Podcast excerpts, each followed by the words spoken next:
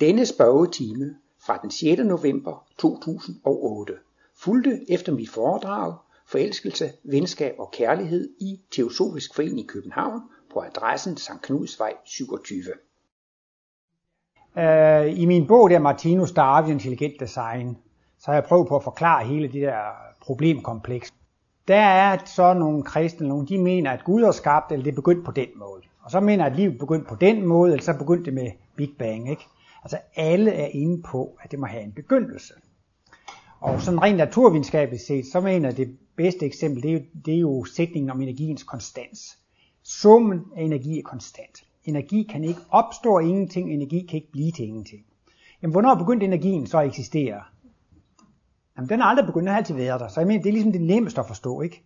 Energien har altid været der, og den vil, den vil blive ved med at være der. Og det er jo, Martinus har jo ikke for ingenting kaldt sit verdensbillede for det evige verdensbillede. Og Martinus siger, at alle hans analyser går op i evigheden. De går ud fra evigheden. Så, så derfor spiller evigheden ind over alt i Martinus analyser. Jeg vil næsten sige, at altså dette med evigheden er ryggraden, det er grundstammen i hele Martinus verdensbillede. Og der siger han så for eksempel, bevidsthed, det er evnen til at øh, handle og manifestere sig, og det er evnen til at opleve. Ikke? Jamen, hvornår opstod bevidsthedsfænomenet?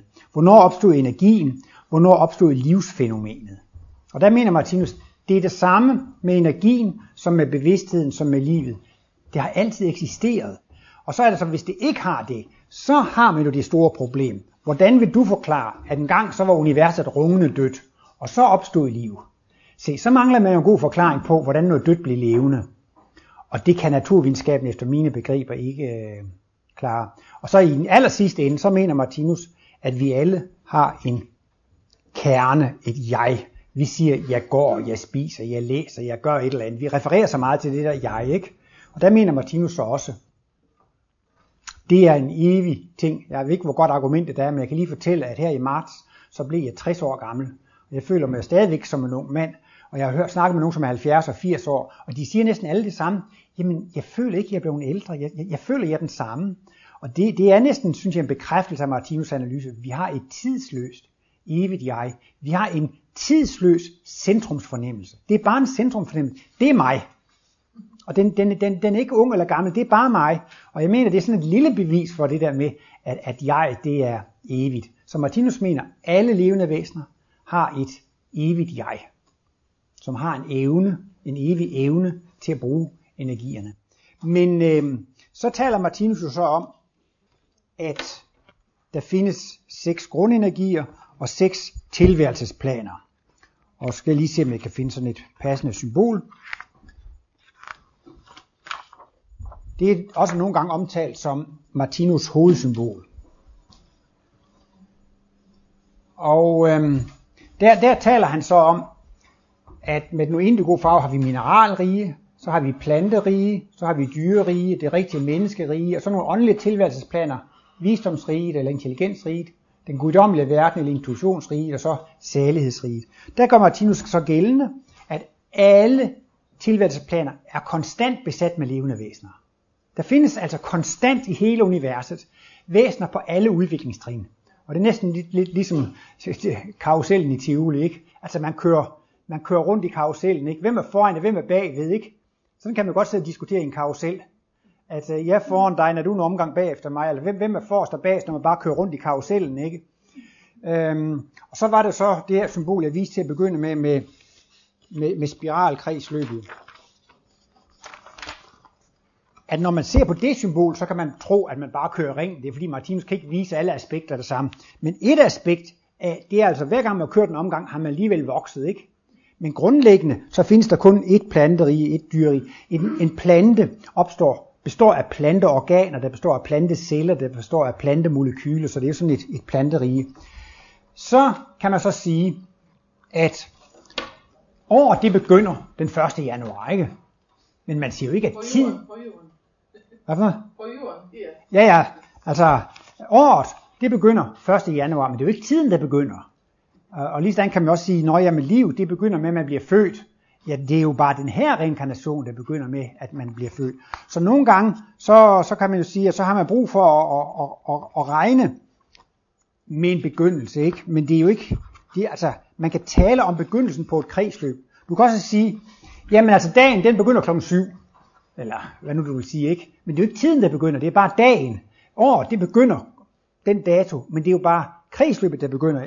Jeg tror måske hellere, jeg vil vise det her symbol af Martinus, som har de samme rige, det er sådan set parallelt. Her har du et mineralrige, her har du dyr, planterige, dyrerige, det rigtige menneskerige, visdomsrige, den guddommelige verden, særlighedsrige, så kommer det op i, i, i, et nyt, i et nyt kredsløb. Så væsenerne, de kører på sult og mættelse. Her bliver man mæt af det princip, så degenererer det. Så sulter man efter det, så kulminerer det, så degenererer det. Og øhm, så bliver det altså hele tiden til, at man, man, man får lov til at opleve det, man længes efter, og så degenererer det. Det vil sige, at det evige liv er baseret på et evigt åndedræt, et evigt pulslag. Når man taler om den åndelige og den fysiske verden, kunne man næsten også sige, at man indånder kærlighed, man udånder kærlighed. Altså i det, i det evige perspektiv, så er det jo ligesom med yin og yang. Man må have begge kontraster. Om med den ene, så tager man den anden kontrast. Ikke sandt? Så når man har evigheden og uendeligheden med, så bliver det jo et slags balancepunkt, hvor du kommer lige meget på, på begge sider. Ikke sandt? Men det jeg så vil sige, det er klart, her kan man sige, her er der nogle væsener. De begynder her i planteriget så kan man godt sige, det er begyndelsen af kredsløbet. Ikke? Nu kigger vi kun på ét kredsløb. Så kan vi sige, dyrene er mere udviklede end planterne. Menneskene er mere, jordmenneskene er mere udviklede end dyrene, og de rigtige mennesker er mere end os. Så hvis du kun kigger inden for et kredsløb, så kan man godt bruge den terminologi, du har. Altså så kan man sige, jamen altså dyrene, det er jo ældre sjæle end planterne. Eller højt udviklede mennesker er ældre sjæle end primitive mennesker. Rigtige mennesker er ældre sjæle end i det lokale kredsløb. Men bare fordi man har kredsløb, er det jo ikke bevis på, at tiden er begyndt. Det er bare det, at der findes visse kredsløb inden for tiden. Og det er jo så det, der gør, at man bliver lidt forvirret der. Ikke? Altså man kan godt sige, man kan godt sige, at nogle mennesker er højere udviklet end andre mennesker i det her kredsløb. Men de er ikke en pind bedre end andre. Vi er alle sammen evige væsener. Og hvorfor, hvor, hvorfor skulle det være bedre at være det ene sted end det andet sted? Det sted vi er, det er et udtryk for vores sult- og mættelsestilstand. Og vi er alle sammen lige præcis på det bedste sted, hvor vi overhovedet kan være. Så både ja og nej, ikke? Der findes nogen, som er ældre og yngre i det her spiralkredsløb. Men alle er evige. Og jeg mener det. Hvis der er en begyndelse, så sætter man faktisk loven om årsag og virkning ud af spillet. Vil man sige, hvorfor er det sådan? Jamen det var fordi, det var sådan før. Og hvorfor var det så sådan? Jamen det var fordi, det var sådan før. Jamen hvad så, hvad så hvis noget det, det, det ikke har nogen begyndelse? Det er ren hokus pokus, altså. Lige pludselig så kan opstå universet en, en eksplosion. Det er faktisk lige så naivt som at sige, lige pludselig så skabte Gud det hele. Men hvad, hvad, hvad var der så før? Gud må da have kedet sig Guds jammerligt, før verden blev skabt. Hvad var der at lave? Altså jeg mener, en hver lærer, en hver teori, som har en begyndelse, Regn ikke med årsag og virkning. Fordi en begynd, der må også være en årsag til en begyndelse. Altså der må være noget forudgående, ikke? Så derfor har Martinus altså, livet er evigt, og alle levende væsener er evige. Men vi er på forskellige steder i kredsløbet. Og der kan man så tale om, vi har forskellige alder i kredsløbet. Men det er jo ligesom med børn. Ja, altså han er 12 år, han er 8 år, han er kun 6 år. Han på 12 år, han er bedre end ham på 8 år, og ham der på 6 år duer slet ikke. Jamen det spiller jo ingen rolle, altså. Vi, vi går jo et kredsløb, ikke? De yngste bliver lige så gamle som de ældste, vi dør, og vi fødes igen, så egentlig spiller det ingen rolle, hvor man er i kredsløbet. Vi, vi er alle sammen lige gode. Ja. Når vi nu alle sammen er topolet, og Ja. med hold og så videre, hvordan så med formeringen? Ja, Skal den til, eller? Ja, der er Martinus jo ude på det her med øh, materialisation og dematerialisation. Ja. Og han mente, at Jesus dematerialiserede sig, da hans øh, øh, liv forsvandt fra graven. Og han mener også, at han faktisk materialiserede sig for disciplene. Og han mener faktisk også, altså, at, øh, at der bliver i, den, altså i dag eksperimenteret i okulte og psykiske krise med at materialisere afdøde ånder. Og jeg har selv set mange af de der spøgelsesfotoer og sådan noget. Det mener Martinus sådan set er reelt nok. Ja. Altså at, øh, og der, der taler Martinus, i- han der tager bare nogle neutrale, neutrale udtryk, han taler om en A-kraft og et A-stof. Og det er så mediet, som skal have noget A-stof. Altså mediet, jeg tror nogen kalder det for ektoplasma, mediet, eller medierne, skal have noget ekstra energi. De skal have noget energi at stille til rådighed. Og så skal der være et diskarneret væsen på det åndelige plan, som har en A-kraft, altså som har en, en vilje eller en ønske om at materialisere sig. Og når så den A-kraft går i kontakt med A-stoffet, så kan der komme øh, en materialisation. Men altså, ja, Martinus undersøgte ikke nøje, men altså han var da noget optaget af det her med uegaler, og, og, og mente jo altså, at det er rigtigt, at bevidstheden kan blive så udviklet, at den virker ind på materien, ikke? Og i første omgang vil man jo nemmere kunne lave sådan noget som UEGL og lave, eller måske materialisere nogle, nogle fysiske ting, men det er en evne, som vil, vil, vil, øh, vil udvikle sig. Bliver det så materialiseret som barn? Nej. Nej, vi slipper for det med blæn og alt det der. øh, nej, det, det er lidt mærkeligt. Det, så, Martinus taler om, at, øh, at øh, i barndommen og ungdom, så repeterer vi tidligere liv. Og den fortsætter omtrent op til man er 30 år, 28-30 år, så er repetitionen færdig. Ikke? Så det er en ret omstændelig proces med reinkarnationen, med at man skal igennem de der 30 år, før man er på omgangshøjde. Jeg plejer at sige sådan, når jeg vågner om morgenen, så, altså, så tager det kun et minut, så, så, så er jeg klar til at fortsætte der, hvor jeg slap aftenen før. Ikke? Men øh, hvis man så dør og bliver født igen, så tager det 30 år, før man i virkeligheden er klar til rigtigt at fortsætte der, hvor man... Øh, men det er selvfølgelig alligevel fascinerende. Så i det her liv har jeg alligevel en smag på, hvad jeg har været i min evige fortid. Fordi alt det, jeg har oplevet, før jeg var 30 år, det, var, det er så repetitioner af, af tidligere.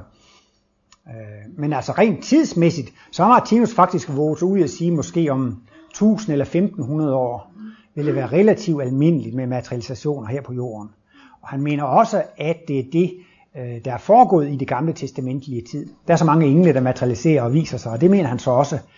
Og det er så det, han kalder for materialisationer fra det rigtige menneskerige. Hvad siger Andreas?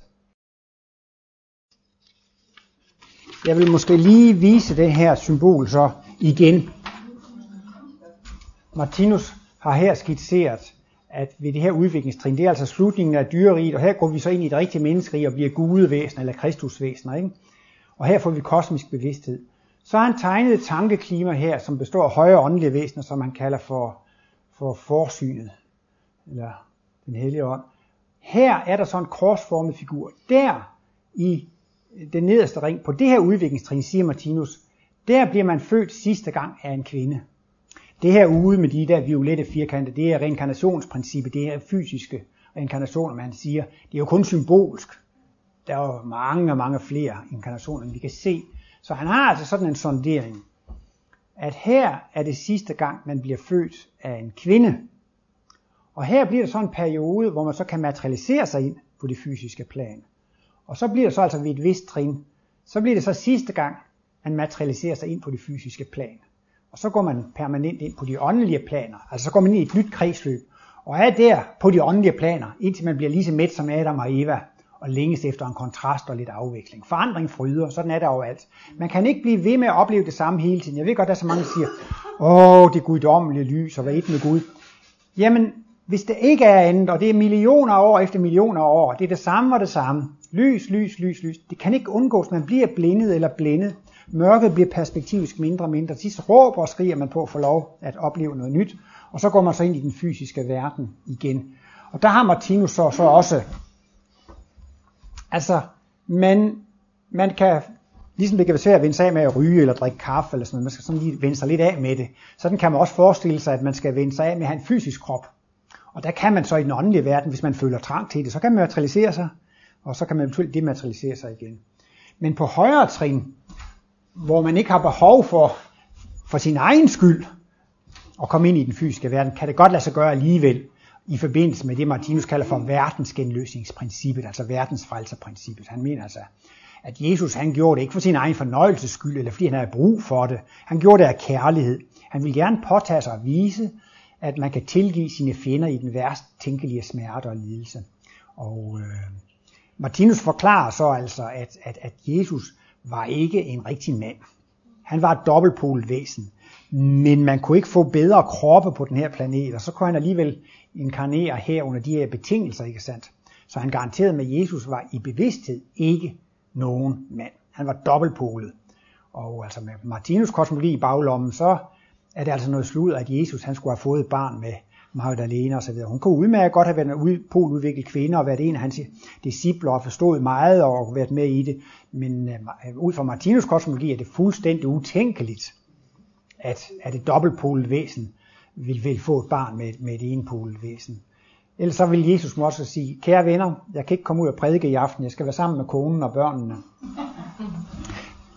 Men øh, ja, det var lige den... Ja, det var bare... Øh, ja, altså, der var jo blandt andet kød og fisk blandt Ja. Og det passer vel heller ikke ind i, øh, i øh, Martinus' øh, syn. Ja, altså... Man kan sige altså, at forsynet, eller den åndelige verden, har jo på en måde planlagt øh, Jesus' inkarnation og hans opgave, ikke? Og øh, han har jo fået en opgave, hvor han så skulle leve på jorden, ikke? Det, det var næsten ligesom, hvis du eller jeg skulle få en mission om at gøre et eller andet på abernes planet. Så kan det jo godt være, at vi skal ind i en abekrop, for ligesom at, at, at, at komme ind og så videre, ikke? Og øh, hvordan de betingelser har været til stede for Jesus, det, det, jeg, jeg, jeg ser bare sådan selv på det, men det har forsynet planlagt, som det var bedst for den mission, han skulle udføre. Og derfor kan det måske godt være, at han har været nødt til at finde sig i nogle ting, eller affinde sig med nogle ting, på grund af, på grund af missionens. Så, så, for mig er det ikke så afgørende, om Jesus nu spiste fisk eller han ikke spiste fisk. Jeg har også hørt noget om, det var en jødisk sigtighed i seerne, som skulle være vegetar, og så er der nogen, der gerne vil have, at han skulle have været sammen med dem, og, og sådan og sådan. Øh, men, men Martinus sagde altså, at det der med vegetarismen, det hørte ikke med til Jesu mission. Altså det var ikke, det var ikke vigtigt på den tid. Og det, det er det faktisk blevet først 2000 år senere, ikke? Nu kan man sige, nu er det kommet i fokus.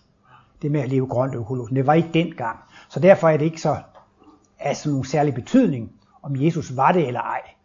Men Martinus var jo ikke i tvivl om, at Jesus vidste om, at man ikke skulle slå dyrene ihjel og alt, alt, alt det der. Men altså, men, men altså, man kan sige, det har været et stort setup. Altså Martinus mener jo lige frem, altså, at, at Jesus hvad skal man sige, var programmeret eller forberedt for at skal ned og løse den her opgave. Ikke? Og det er jo også i, i, i samarbejde med højere åndelige væsener, ikke sandt? Faktisk også interplanetariske kræfter. Uh, Martinus har jo, det er jo sådan en lille røverhistorie, men altså, Martinus mener jo, at vores jordklode just nu får stærke kosmiske impulser, altså nærmest åndsvidenskabelige impulser, som går ind over vores klode, ikke? som kommer fra et centrum i Mælkevejen, ikke? Sådan så altså, at, at den inspiration, den kraft, der er i åndsvidenskaben osv. så i, i en ny tid, ikke? det skyldes også åndelige kræfter, som kommer udefra, ikke? Så derfor var det jo ikke bare Jesus mission alene. Altså det var jo faktisk en makrokosmisk. Og der har så det hele været planlagt. Nu skal han ned og løse den opgave, og så har man lavet betingelserne sådan, at det gav de bedst mulige vilkår. Jeg mener blandt andet, at det er derfor, at, at Jesus ikke blev født i en kvindekrop. Det kunne have kunne dobbeltpolvæsen lige så godt. Men hvis nu jøderne havde den regel, at, at, at, at kvinder ikke må tale i offentlige selskaber, ikke? så er det jo sværere at blive prædikant, hvis det er forbudt. Altså, så, så, så, var det måske mere, så var det måske mere praktisk. Så, så jeg tror altså, at forsynet har foretaget, så at sige, nogle praktiske ting i planlægning, ikke? Og derfor kan det godt være, at det var med i den planlægning. Altså Martinus siger jo selv, at han var kosmisk bevidst, men ikke desto mindre blev han født ind i en familie, hvor man spiste kød og sådan noget. Så det gjorde Martinus også, indtil han blev øh, 30 år, ikke? Og, og der fik han så først forståelse for.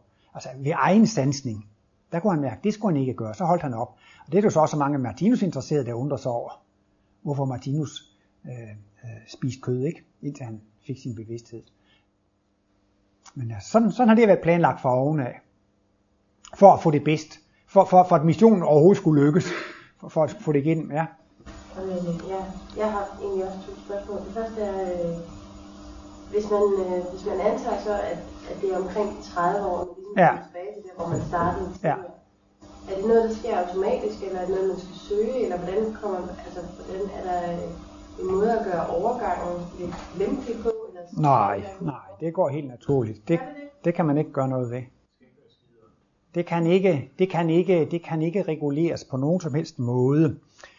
Altså, Martinus taler om, at man har en vist udviklingstrin, og man har en vis moralsk standard. Ikke? Og en moralsk standard, det er jo, hvad man kan ind og gøre, hvad man ikke kan ind og gøre. Man er kommet til et ganske bestemt sted. Ikke?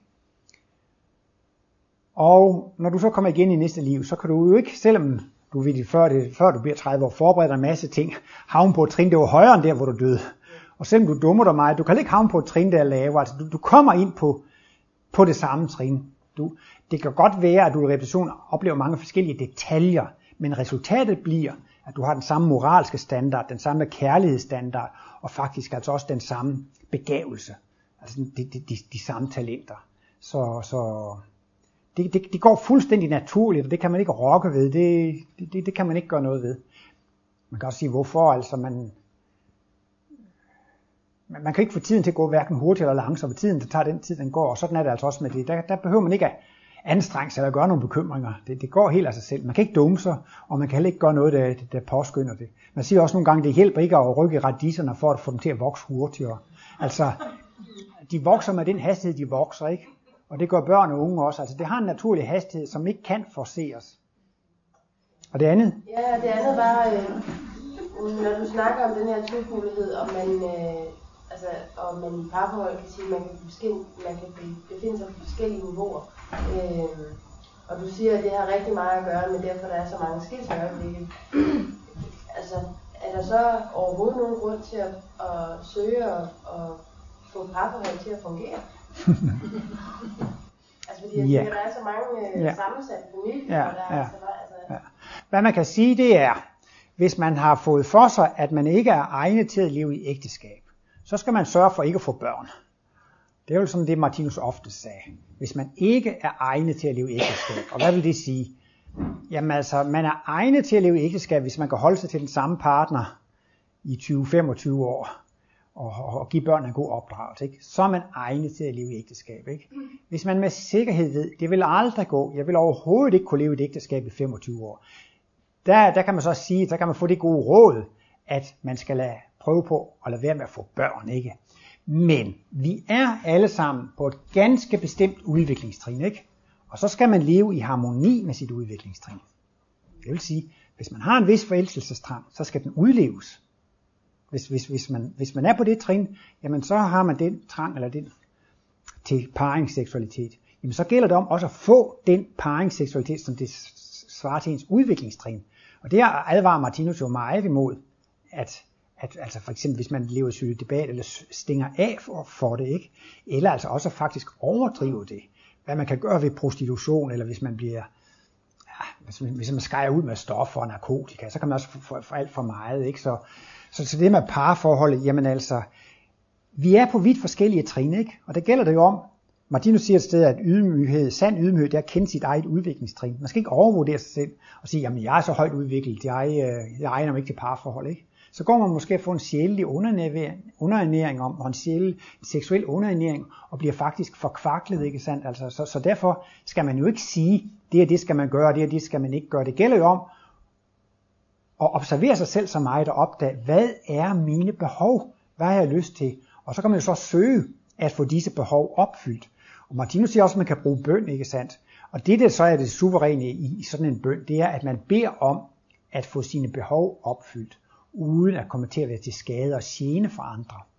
Og det betyder altså også meget i den henvendelse eller den bøn, ikke sandt? Altså, man må gerne bede og, sådan, og få de der behov og ønsker og længsler, men det er jo særligt velsignet, hvis man går ind med det, at man ikke vil være til øh, skade for nogen. Og Martinus siger, et højere udviklet menneske vil hellere afstå fra seksualitet, end det vil skade nogen med sin seksualitet. Ikke? Og derfor kan det godt være, at nogen faktisk strammer sig lidt op i parforholdene, altså for børnenes skyld, for, for partnerens skyld. Altså man skal selvfølgelig heller ikke, men det hedder, så der er nogle sten, der er så tunge, man ikke kan løfte dem, ikke? Jamen altså, det vil sige, man, der er sten, der er så tunge, man ikke kan løfte så skal man jo lade dem ligge. Og det kan jo også være i ægteskab, altså man skal jo ikke påtage sig en, en rolle, jeg, jeg skal være god og kærlig og sådan og sådan, og, sådan, og, så, og så, så kan man ikke klare det, så, så må man jo bryde ud af det. Men øh, ja, du spurgte, om man skal, man skal anstrenge sig for at være i parforhold. Jeg synes, man skal, man, man, man, skal, man skal anstrenge sig, så, så at sige, for at opfylde sine egne naturlige behov. Det er det, det drejer sig om. Og så, og så skal man så prøve at se, om man kan få sin seksualitet og så videre, så vidt muligt, uden at, at, at skade andre. Ikke? Og, og der findes absolut også skæbnemæssige forhold. Og det er jo så også nogle gange, at først og fremmest, så skal jeg have min egen seksualitet, ikke? Og så dropper jeg partneren og ikke gider mere, selvom vedkommende bliver ked af det, ikke? Så kan man jo sige, jamen altså, hvis det er den måde, man får opfyldt sin behov på, ved at efterlade så at sige en lang række lige efter en, så skaber man sig jo en dårlig karma på, på, på det seksuelle område, ikke? Og så har man jo en seksuel trang, og så vil man jo så synes, det er da mærkeligt, det går galt hver eneste gang, ikke? Men så er det jo altså fordi, der er noget karma, der skal afvikles, ikke? Og mm, det kan også være med utroskab og andre ting og så Det er klart, at, at det er meget smerteligt, ikke? Men så på et eller andet tidspunkt har man selv oplevet, hvis man nu har været utro, oplevet virkelig utroskab, så holder man op med det, fordi man har fået, fået, fået, fået nok belæring af det. Så jeg vil jo sige, nej, jeg synes ikke, man skal, man skal bruge de her poler, snart kom til det, man skal ikke bruge de der polanalyser som, som, som, afgrund, altså som begrundelse for at afholde sig. Jeg skal lige nævne en lille vidighed. Der var også nogle mennesker oppe i, og nogle af dem var interesseret i Martinus, som var trætte af deres ægteskab. Så sagde de, ja, men jeg er så højt udviklet, så jeg egner mig ikke til ægteskab, så jeg vil hellere lade mig skille. Og så sagde Martinus, jamen det var da misbrug af hans analyser, at sige, at man er nødt til at svigte partneren, fordi man er højt udviklet, altså fordi man er poludviklet. Så vil Martinus netop sige det omvendte. Hvis man virkelig var højt udviklet, så vil man hellere blive i forhold for ikke at gøre børn og partner. Så det synes han, at det var misbrug af analyserne og sige, jeg er så højt, jeg er så poludviklet, så jeg bliver nødt til at gå ud i det her parforhold. Så har man misforstået, fordi hvis man netop var kærlig, så vil man blive af, af kærlighedsgrunde. Men hvis man så bliver, kan man godt blive udsat for det, øh, man kunne kalde for sjælelig vitaminmangel. Martinus omtaler forelskelse som sjælelige vitaminer, så kan man jo blomstre op og blive glad, ikke? Men om så må sige, hvis man offrer sig lidt mere, man egentlig har lyst til, lidt mere man kan klare sig, så kommer man jo måske også ind i en slags depression og en grå tilstand, fordi man får ikke de sjælelige vitaminer i det forhold, fordi jamen, jeg skal være så god, jeg skal være sådan og sådan, og jeg skal sådan og sådan, og så får man slet ikke opfyldt sine sin egne behov. Ja. Hvad siger du? Øhm, du sagde, at hvis man ikke egner sig til at leve i et ægteskab, så skulle man ikke få børn. Øhm, den kan ikke til at harmonere med sult og mæthed. Fordi det kan godt være, at man er med på at være i ægteskab, men man stadig er sulten efter at få børn. Skal, det, skal den vel øh, mættes, eller hvad? Ja, selvfølgelig skal begge dele mættes. Det er ikke bare for at gøre Nej, nej. Altså, ja. med kærlighed er det der selvfølgelig, ja. men altså... Alt skal jo mættes, men øh, jeg har ikke sådan lige tænkt over den problemstilling, men det naturlige vil jo selvfølgelig være, at de to ting hang sammen. Sådan gør de jo fra naturens side af, ikke sandt? Nø, altså, altså det kan da godt forestille mig, at der er nogen, der gerne vil nogen, der gerne vil have børn. Bare lige for så at tage et aktuelt ting op, det er jo så altså, at øh, der findes jo så også et trin, hvor man får sympati for det modsatte køn. Ikke? Og det er klart, at på et tidspunkt, så vil kvinden opleve livet igennem sin maskuline pol. Kvindens maskuline pol, den skal blive jævnbyrdig. Den skal blive jævnbyrdig med den feminine pol. Ikke? Men altså, kvindens maskuline pol, den kan ikke blive jævnbyrdig med den feminine pol, hvis ikke kvinden får lov til at opleve livet igennem sin maskuline pol. Og det vil faktisk sige, og det er jo det, der ligger i polforvandling, der er en mand, som vokser op inden i kvinderne. Og den mand bliver på et tidspunkt tiltrukket til kvinder. Der er nogen, der synes, at det er fuldstændig unaturligt at have sympati for sit eget køn. Det er der også. Det er ikke meningen, at en mand skal elske en, en, øh, en anden mand. Men det, der er meningen for eksempel her, det er, at det er manden, i en kvinde, som skal komme til at synes om kvinder. Og det er jo lige så naturligt som en ung mand og en ung kvinde, de er hinanden. I dag, en ung mand og en ung kvinde, de er de hinanden, ikke? Det er helt naturligt. Men på et tidspunkt, så bliver manden i kvinden også seksuelt tiltrukket til det, til, til det kvindelige, ikke? Men det er, når det er dobbeltpol, og der har det nemlig ikke noget med parforhold at gøre. Og så er det så nogle gange, man godt kan få åbnet for den modsatte pol for tidligt. Fordi så kan man jo komme ud i det paradoks, at der, der er bøser og lesbiske, som lever i parforhold, men som vil have børn, ikke? Og der kan man så sige, at i den normale poludvikling vil det være sådan, at når man begynder at opleve den seksuelle natur af den modsatte pol, så er man helt ud af ægteskabet, så er man helt ud af børnene, ikke? Så altså det er da ok, de har det, men det hører egentlig ikke hjemme der. Det hører, altså det her med, med at have familie og børn, det hører ikke hjemme. Så der kan man så sige, jamen de har fået åbnet den der pol lidt for tidligt, men man ser stadigvæk, at de har familie, altså de har ægteskabelige træk. Altså det ægteskabelige træk, det er, at man gerne vil leve i parforhold, ikke? Og normalt så er det jo så det, det at leve i parforhold, det hænger jo også tit sådan lidt sammen med at ville have børn. Men jeg, jeg, jeg kommer måske ind på det omvendte her, hvor man siger, i ufrugtbarhedens zone vil man gerne leve i par, men man har ikke så meget lyst til børn. Jamen der er også ingen, tænker jeg på, som har lyst til et barn, ikke? Jo, men tror du ikke også langt hen ad vejen, hvis det kunne lade sig gøre at træffe idealpartneren, at de også gerne ville have den? Jo, jo, altså det ved jeg ikke, om de ville. Det kan sagtens ja. være, ikke? Men hvad er det nu lige spørgsmålet af problemstillingen er? Det, det var bare fordi, jeg hørte dig sige, at hvis man Nå, ja. ikke egnes til at være ægteskab, ikke, så skulle man ikke få børn. Nej, man kan i hvert fald sige, at videnskabelige undersøgelser viser, at for børnene er det bedst at have både en far og en mor. Det er ikke engang det bedste. Der har i hvert fald været mange undersøgelser, over enlige kvinder, som skal opdrage drenge, ikke? og mange af dem de havner altså som kriminelle, ikke? fordi de ikke, de ikke har et, et maskulin forbillede, og de er slet ikke til at styre osv. Det er der mange videnskabelige undersøgelser, der viser. Så, så, men det tror jeg heller ikke, det er nogen overraskelse, at det er bedst for børn både at have en far og en mor. Og jeg vil også sige som udgangspunkt, så tror jeg også, det vil være det bedste, hvis man vil have børn, og prøve at arrangere det sådan, at der er både far og mor til børnene. Ikke? Jo, nu tænker jeg bare på bare det. Men Ja, men det, altså, det er muligt, at det sådan en kan komme lidt før det andet. Ikke? Men i store træk må man sige, at man bliver mæt. Og så vil jeg nok, jamen altså, altså skulle jeg gerne omtrent samtidig, man bliver mæt af parforhold og mæt af at få børn.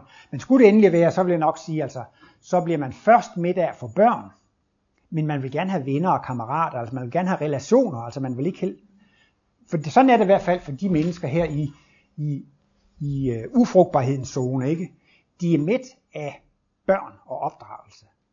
Men altså, seksualiteten har en stor fremtid, og det bliver vi aldrig med af. Martinus siger, at det bliver værre og værre. Nej, det siger han ikke, men altså, den seksuelle trang eller kraft, den vokser og vokser. Og han, altså, man kan faktisk sige, at i den åndelige verden, jeg skal nok komme til dig, i den åndelige verden er der faktisk også seksualitet. Hvis to engle med de smukkeste auraer møder hinanden, så kan sådan to engles aura overskygge hinanden. Det kan blive nogle vidunderligt smukke scener osv. Det er virkelig en aura sex. Altså sex er jo i virkeligheden bare det, at man får kontakt med et andet levende væsen, og oplever et behag i den kontakt med et andet levende væsen. Så, så seksualiteten har en meget stor, meget stor fremtid. Men det kan godt være, at nogle mennesker gerne vil have børn, fordi de tror, at de kan løse nogle problemer. Hvis man er alene og ikke kan finde idealpartneren, så kan man måske have et barn og støtte sig til, eller sådan. Men øh, i alle fald det, hvis man skulle være lidt moralsk, eller sige, hvad Martinus anbefaler, så er det jo så klart, at man skal ikke anskaffe et barn for sin egen skyld, og fordi man selv gerne vil have et barn. Vel?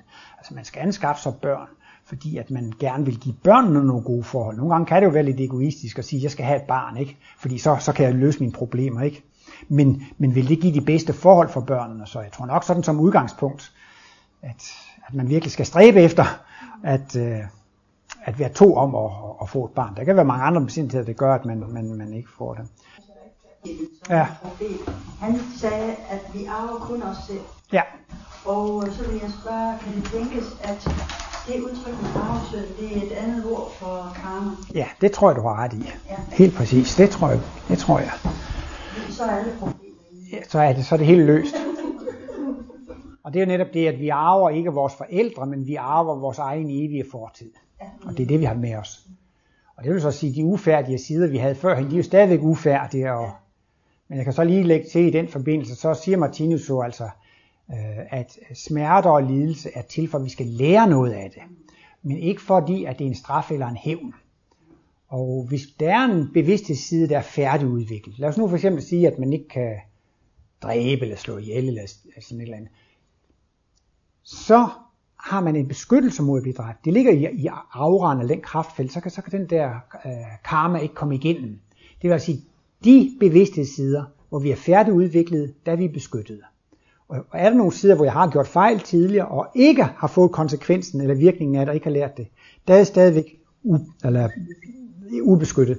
Og det vil så sige altså, at der er en mening med al smerte og lidelse. Og meningen er, at vi skal lære at blive humane og kærlige. Alt det ubehag, vi har gjort med andre, skal vi få lov selv at opleve. Og når vi oplever det tilstrækkeligt, så tager vi afstand fra det. Så vil vi ikke gøre det mere.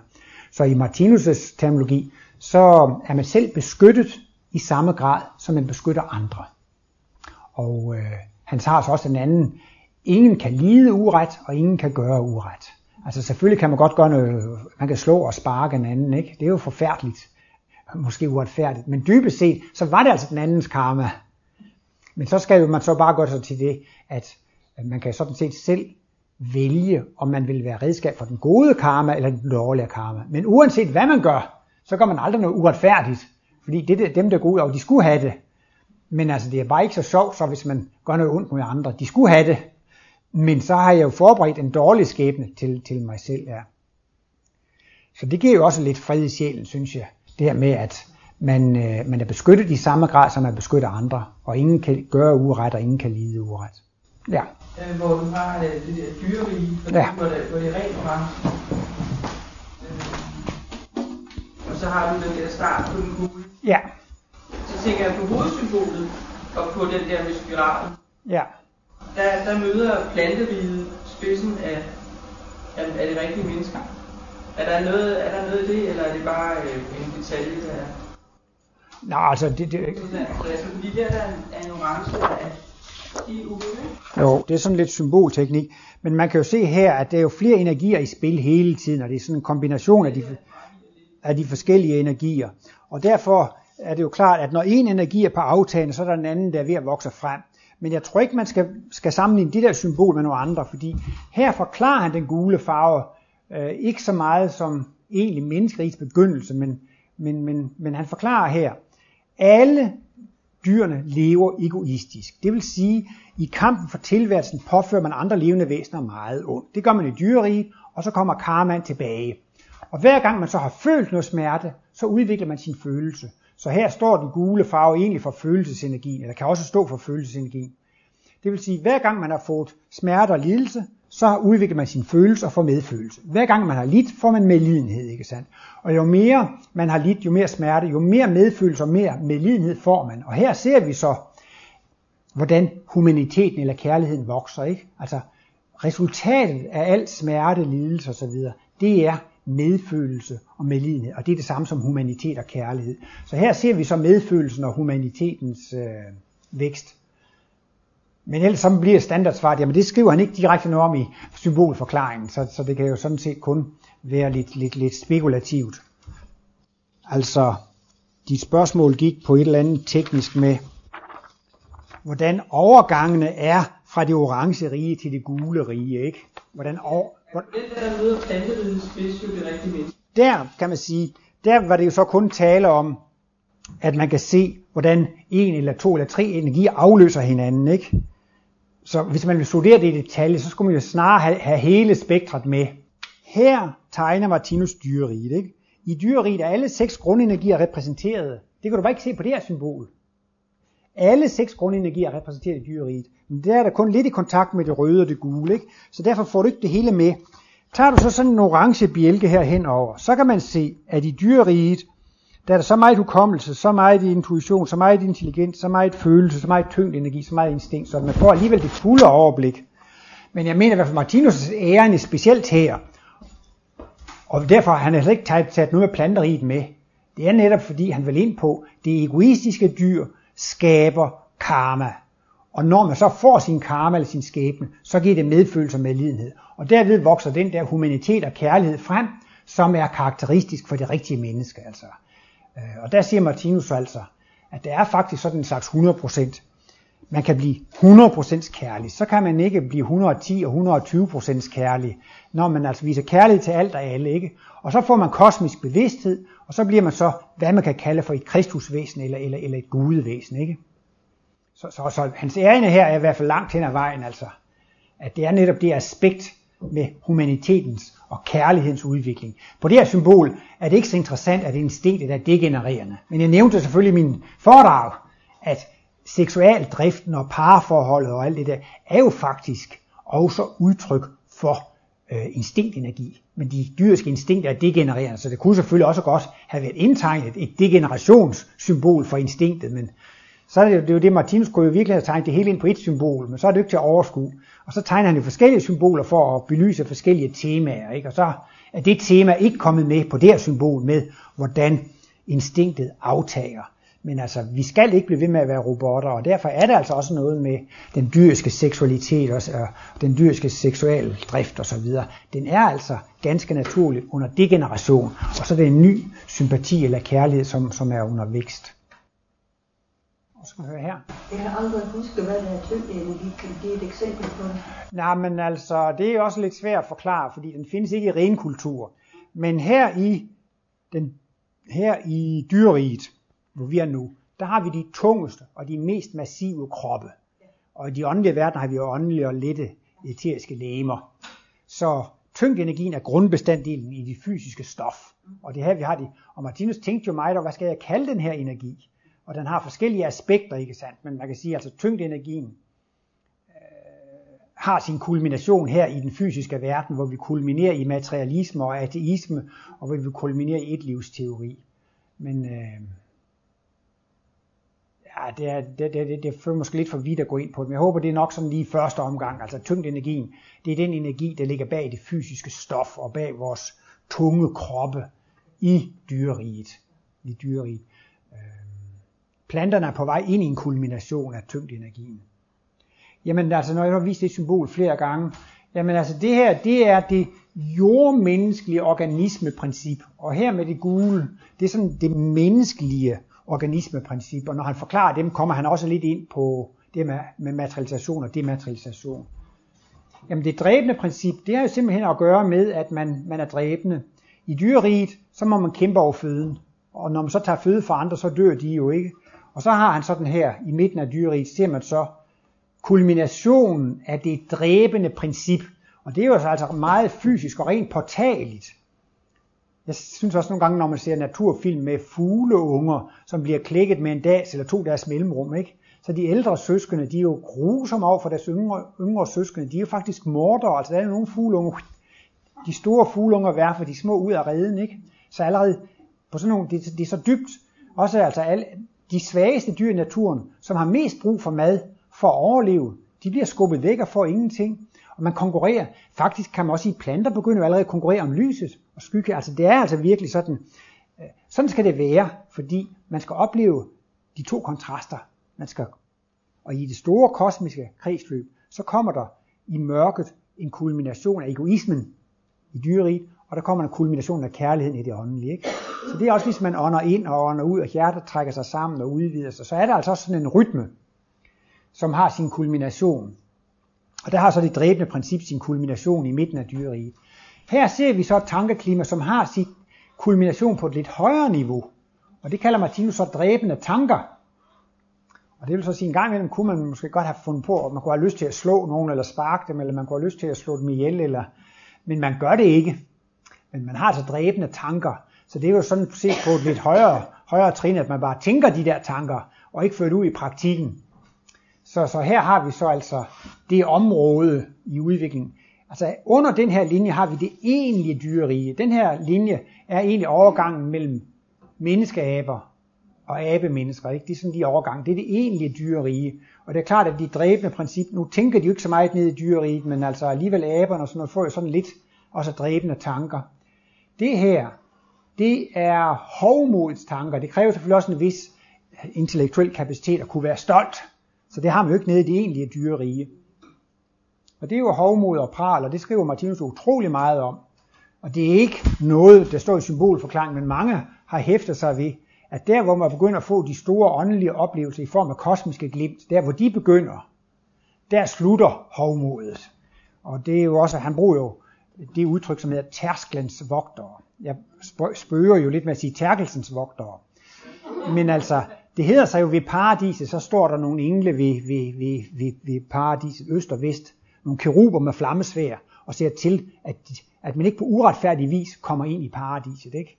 Og det vil altså også sige, der findes nogle kræfter, som vogter på os, så vi ikke får de høje åndelige oplevelser.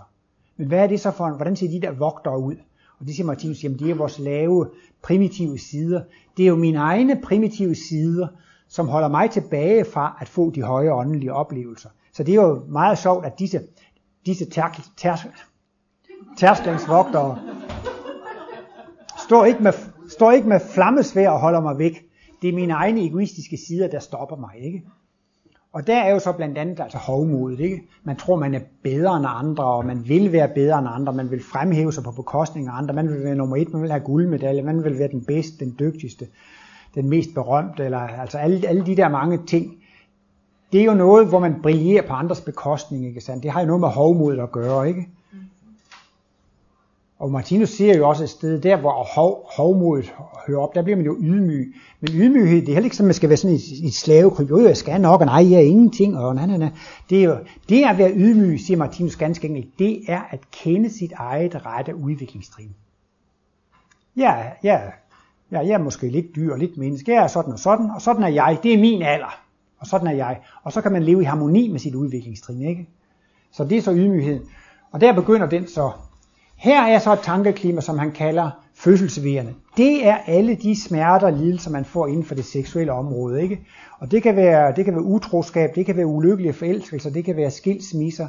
Og også her, hvis, hvis der er nogen, som er højt oppe, som har sympati, også for sit eget køn, de kan elske uafhængigt af køn næsten, men de kan blive meget forfulgt og hånet osv. Så, videre. så der findes mange eksempler på lidelser i denne seksuelle forvandlingszone. Og Martinus har jo sådan generelt det synspunkt jo altså, at hvis man ikke har fået så mange lidelser på andre områder, så kan man få mange lidelser på det seksuelle område. Og har man ikke fået så mange lidelser, så har man lav moral. Og det vil sige, at man, kan, man ser stort på, om der er andre, der bliver ulykkelige på grund af mit seksuelle liv. Ikke? Og så får jeg meget karma der. Men så kan det være mennesker, som faktisk er meget humane og kærlige, inden de så at sige kom ind i sådan en seksuel eksperimental zone. Men hvis de ikke skader andre mennesker med deres seksualitet, så får de heller ikke så meget smerte og lidelse på det område der. Men det er altså det, han kalder for fødselsvejerne. Han taler tit om dyrerigs dødskramper, og det rigtige menneskes riges fødselsvejer. Det er en dramatisk periode. Det er også lidt i bibelsk symbolik, at, øh, at menneskets hæl skal knuse slangens hoved, men, men, men det skal gøre ondt, fordi hælen går i stykker, eller sådan et eller andet. Og det er jo noget med, at, at det dyriske, altså slangen skal dræbes, ikke? men det gør alligevel ondt. Altså der er de der, når dyreriet skal dø, og det rigtige menneskerige skal fødes, så er der sådan nogle, nogle fødselsvejer, nogle symptomer.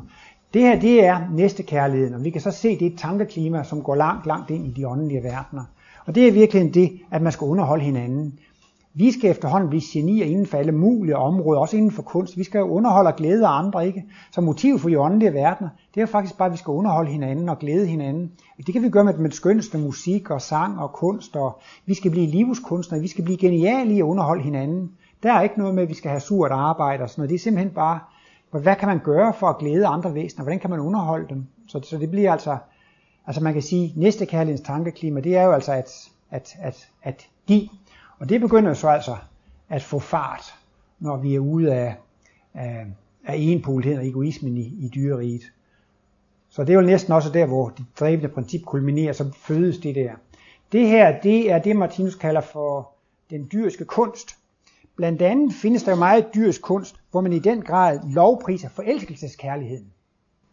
Jeg har jo også selv læst en masse bøger fra romantikkens periode med, med Goethe og alle de franske der med Stendhal og Balzac, og der gik en hel bølge over Europa med, med romantikken. Og der roser man jo i den grad forelskelseskærligheden, ikke? Som jo virkelig er en dyrisk og en egoistisk kærlighed, ikke? Og øh, det har indeholder meget med, at helten har slået skurkene ihjel, og de stærke har vundet over de svage, ikke sandt? Så, så der findes en umådelig mængde litteratur, som lovpriser paringskærligheden, forelskelseskærligheden og heltens sejr, den stærkes sejr over den svage. Der slog danskerne de svenskerne i krig, og der slog de dem i den krig, og der vandt vi det søslag. Hvad er det alt sammen andet, end den stærke har slået den svage? Altså, det er der ikke noget at skrive hjem om. At, øh, men Martinus siger, at, at den dyriske kunst vil jo i fremtiden blive makulatur. Altså, det, det, det, det, der, der vil jo mere være det med at vise Kristus motivet, ikke? Altså, hvis der er et menneske, som er blevet fornedret og hånet, og, og så kommer det nogle mennesker og beder vedkommende om hjælp, som før har hånet dem, og hvis man så hjælper dem ikke, så bliver man jo rørt til tårer over, at vedkommende vil hjælpe. Altså, det er jo Kristusmotivet, ikke? Altså, at man velsigner dem, der er forbandet, man hjælper dem. Og det siger Martinus, det vil der komme meget mere af i fremtidens kunst og litteratur. Det vil hele tiden være Kristusmotivet. Man vil vise kærlighed og sympati til dem, som har, har fornedret det. Og som jeg nævnte, Martinus kunne godt lide at gå i biografen, og han sagde, ah, man skulle helst græde ved enhver film. Altså, der skulle helst være noget, som rørte følelserne. Så nu har jeg for eksempel for nylig set den der øh, Das Leben der Anderen, som var en øh, film om Stasi-tiden i Berlin. Og der er så en Stasi-mand, ikke sandt, som indlever sig i sit, sit offers liv, at han til sidst risikerer noget i sit eget liv for at skåne dem, han skulle. Og altså, han skulle jo netop holde dem nede. Systemet ville jo ikke have, han hjalp dem, men han fik sådan en medfølelse med dem, han skulle spionere på, at han dækkede over dem og beskyttede dem ikke. Og så fik han jo altså, blev han opdaget og fik noget ubehag af det, ikke? Men, men, men den film virker så stærkt, fordi det er også på en måde at skildre Kristus motivet, ikke? Han, han offrede noget af sit eget for at hjælpe en anden. Han risikerede noget for at hjælpe en anden, ikke? Så bliver man rørt. Og dem vil der komme mange bøger osv. Så, så det er ikke heldemotivet og forelskelsen, der skal stå i centrum i fremtidens kunst. Og han siger, at fremtidens kunst bliver helt anderledes, når reinkarnationsprincippet kommer med. Så slutter bogen med, at helten slår skurken ihjel. Så siger Martinus, det er da ikke slut der. De skal mødes igen og igen, indtil de kan tilgive hinanden osv. Så, så, Så denne kunstart har så sin kulmination her, men vil så også degenerere. Her har vi det religiøse princip med det her lys. Og øh, det har jo også meget med, med, med trosreligionerne at gøre. Og den når jo også en kulmination, altså det med at blindt at tro, så, så det religiøse princip, det, det, det aftager. Og det her, det er så de psykiske evner. Og man siger jo, at rotterne forlader den synkende skude, og ved tsunamien nede i Thailand var der ingen elefanter, ingen dyr, der druknede. Alle dyrene, de vidste, det kom, og de gik op, mener man ikke. Altså, dyrene ved, når der kommer ulykker. Hunden, den hyler et par dage før, dens herre dør, og så videre. Altså, der er mange eksempler på, at dyr har psykiske evner. Det mener Martinus også, det er rigtigt. Men netop på grund af, at de er røde og orange, så er det altså på grund det, han kalder for lavpsykiske evner. Og meget clairvoyance og så videre er også øh, lavpsykisk. Definition på, hvad er højpsykisk og hvad, hvad, hvad er, er, er lavpsykisk, det er det, at de lavpsykiske evner, dem kan man godt have på lave udviklingstrin. Men højpsykiske evner får man kun lov til at have, når man har et højt udviklingstrin. Jesus han havde nogle højpsykiske evner. Sådanne høje evner får man først, når man har nået et vist trin i udviklingen. Hvis man havde dem på et lavere trin, så siger Martinus, hvis der var en, man var, man var vred på, så kunne man vandsige hans ansigt, og der var sår og bylder, og man kunne holde sin fjende i en permanent sygdomstilstand, hvis man havde de evner. Det er jo lige så nemt at holde folk i en sygdomstilstand, som det er at lave mirakelhelbredelse, ikke? Så derfor er der nogle evner, dem må vi ikke få, før vi har et højt moralstandard. Og det er så de højpsykiske evner, så går de også over de gule og grønne og blå, og det var jo også sådan, som Jesus havde. Ja. Er der ikke noget med de lavpsykiske evner, altså en rest fra kosmos bevidsthed fra tidligere jo, det tror jeg godt, man kan sige. Det tror jeg godt, man kan sige. Men altså, hvad skal man sige? Selvom nu dyrene har klaverjante evner, så er det ikke noget i, til hinder for, at den kosmisk bevidste også har, har, har klaverjante evner, men det er ikke de største og de mest fremragende. Øh, I alle fald så siger Martinus jo, at vi har i tidligere kosmiske spiralkredsløb. Ja, det er lige med at finde ud af det. At vi har haft kosmisk bevidsthed, og den er blevet gentaget til en automatfunktion. Og så går vi ind i den fysiske verden, og så findes den gamle kosmiske bevidsthed, den gamle højeste kosmiske bevidsthed, er blevet gentaget så meget, så den er blevet til automatfunktion eller instinkt. Og derfor har vi jo så altså noget af vores gamle åndelighed med os ind i dyreriet. Det er ikke, sådan, det var det, du tænkte på, altså at, Øh, i, så vi har, noget, vi har noget med os fra, fra, fra de højere åndelige verdener, men nu er det ubevidst. Det er blevet til instinkt, det er blevet til automatik. Ja. Sjælfredling skriver med Camino, der snakker hun noget om Lemurien, at der var vi øh, et væsen, hvor man via tankens kraft manifesterede sig, og hun på en eller anden måde øh, var med i et eksperiment, hvor man delte kønnerne, ikke, til mand og kvinde. Men har det noget at gøre med det der øh, for tidligere, eller er det bare sådan en historie?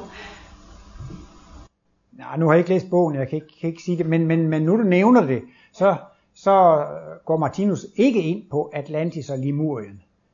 Men jeg har, jeg har hørt et båndfordring, hvor han faktisk gør det i forbindelse med det symbol. Så nævner han lige Atlantis og Limurien og siger, at der har været mængder andre højkulturer. Og der siger han så, at disse tidligere kulturer de var psykiske. De var meget baseret på psykiske kræfter. Men så siger han nu, at vores øh, kultur på kloden, det bliver altså den vestlige kultur, som kommer til at så at sige dominere hele, hele kloden, ikke? Altså det bliver i form af åndsvidenskaben, ikke? Altså ligesom for eksempel to mennesker, en kan være meget filosofisk og logisk og rationel, og en anden kan være mere psykisk begavet. Ikke? Altså, der, der kan ligesom være lidt forskellige karakterer på folk, hvor de har deres begavelse, så at sige. Ikke? Så har der altså også været tidligere kulturer, som, og der, med, der sagde han så bare i forbindelse med Atlantis og Limurien. Ikke?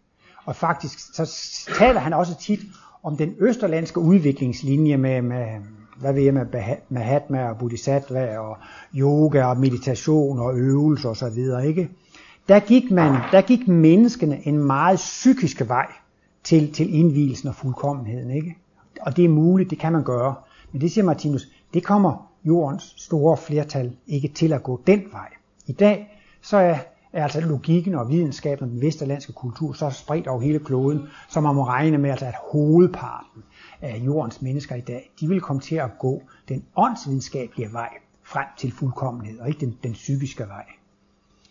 Men med hensyn, jeg kan bare sige i hvert fald sådan som Martinus han ser det, så mener han altså, at den, den, den, den mest enpolede tilstand, den største adskillelse mellem polerne, var i overgangen mellem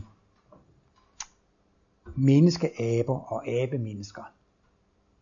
Og hvis man sådan, hvad jeg har fundet ud af på biologien, hvornår er vi jo chimpanser og orangutanger og sådan noget, og der er jo Lucy og, og nogle andre fund dernede i Afrika, ikke? Og det vil for mig til at påstå eller sige, at, at den der mest enpolede tilstand, den, hvis man skulle dømme ud fra fundene, så vil den ligge 3-4-5 millioner år tilbage i tiden. Altså den mest enpolede tilstand ligger 3-4-5 millioner år tilbage, ikke?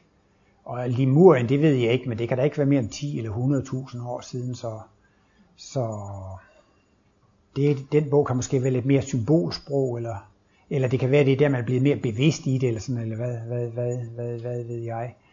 Kan mm. det ikke for det androgyne køn? De der tvikønnede væsener? Mm, jo. Ja. ja.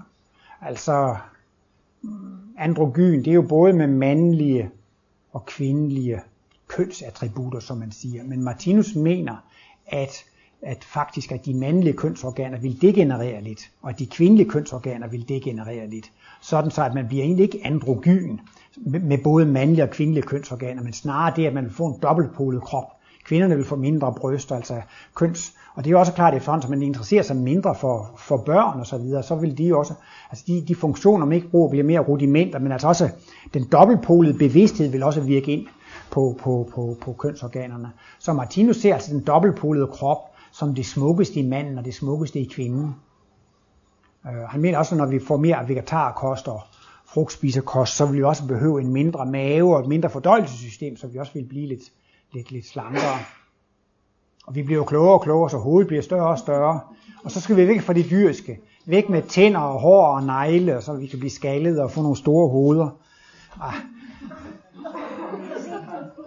Ja, det har vi kun set på film. Så... Jeg kommer til, der er faktisk en film. Undskyld, var der nogen? Nej, det var ikke bare nogen, der hoppede på mine morsomheder der. Der var faktisk en film, øh, hvor de havde øh, seksuel kontakt via øh, aura. Ja, jeg tror, det var Cocoon. Var det ikke sådan en Spielberg-film? Ja, den så jeg også. Ja, det tænkte jeg også, ja. Det var nogen på et alderdomshjem, de var utrolig vitale. Og så fandt man ned på bunden af, af deres svømmebassin nogle kokonger fra nogle extraterrestrials, som lå lidt i dvale. Men de kom jo fra så høj en planet, og var så højt udviklet, så, så bare det var sådan nogle kokonger dernede i bunden, det gav dem en utrolig vitalitet og kraft. Og som vi så kan forestille, på et eller andet tidspunkt i film, så sker der det, at en af de der kokonger bliver klikket af en, der kommer ud. Og de har livskraft og elektricitet, så der er jo lige det strålet med energi, at det var en helt orgasme, når de der elektriske stråler kom ud. Men det var faktisk meget flot på sin vis. Ja, ja, ja og jeg, og jeg, tænkte, jeg tænkte straks også på, på Martinus, at, at de her højere udviklede mennesker, altså det er en helt anden form for el. Så det er jo klart, at, at selvfølgelig er kærligheden være psykisk art, og det, det, det vil også komme sådan en høj, højpsykisk magi. Men Martinus mener alligevel, så længe man er en fysisk krop, så kan man alligevel godt være henvist til at bruge de fra dyreriget nedarvede kønsorganer. Altså langt hen ad vejen, så vil så længe kønsorganerne er de mest følsomme organområder, vil det også være naturligt at få en seksuel udløsning igennem disse organområder. Hvorfor skulle man kærtegne og gå udenom de mest følsomme områder? Så bliver man jo lige som snydt for desserten. så det er, jo, det er jo klart, at man vil jo, men på et tidspunkt, så får man orgasme igennem kysset og, og læberne, og hele og kroppen bliver, bliver et, et, et, et kønsorgan. Men altså, man, man kan sige, at hver organsystem har sin ret. Øjnene skal have lys, ellers så går det ikke. Maven skal have mad, og, og huden skal have berøring, og seksualorganerne skal altså have en udløsning. Så det mener Martinus alligevel er, er det sunde. Og har man ikke en partner, så anbefaler han faktisk øh, selvtilfredsstillelse eller onani. Det, det er altså sundt for organerne at få den der udløsning. Hvert organområde har sine naturlige behov, som man skal prøve at opstå. Jamen, jeg tror, at øh, tiden også er fremskredet, øh, så, så jeg tror, jeg vil sige uh, tak for i aften, tak for interessen.